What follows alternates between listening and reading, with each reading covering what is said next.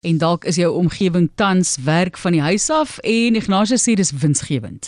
Martelies, lank lank gelede en net nou die dag het die wêreld grendeltyd beleef. Party mense het 'n geldjie gespaar deur die werk toe te ry nie. Party het groot geld gemaak as hulle persoonlike beskermingstoerusting tenders gekry het. Kirankies braai uit. Ons hoor van die geldmaak stories. Maar as jy net in Suid-Afrika wat mense geld gemaak het in die van die huis af werktyd nie. Ryk hier daai kirankies. Die wynkie waai daar van Amerika se kant af. Dis Tyler Louden se kirankies. Tyler het van die huis af gewerk. Sy vrou ook.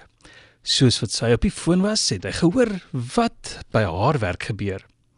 So hoor hy dat BP, vir wie sy werk, 'n onderneming, Travel Centers, gaan koop. Tyler neem toe 'n beleggingsbesluit en koop 'n klompie Travel Centers aandele agter sy vrou se rug. Sommer 46450 aandele.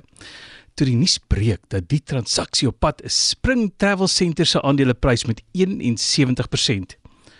Toe die aandeel spring, toe slag Tyler daardie kalf en 1,76 miljoen dollar lyk na die beloning as hy na sy vrou luister al het sy nie met hom gepraat nie.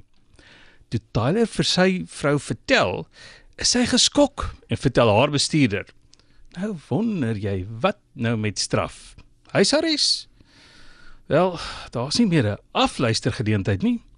Hoewel 'n ondersoek bewys het dat mevrou Louden nie betrokke was nie, nie willens en wetens betrokke was in hierdie aandele transaksie nie, is sy steeds in die pad gesteek. Toe vat sy die pad by die huis ook en het vir 'n egskeiding gevra. Daai het ooreengekom om 'n boete te betaal. Maar daar was nog 'n kriminele saak ook.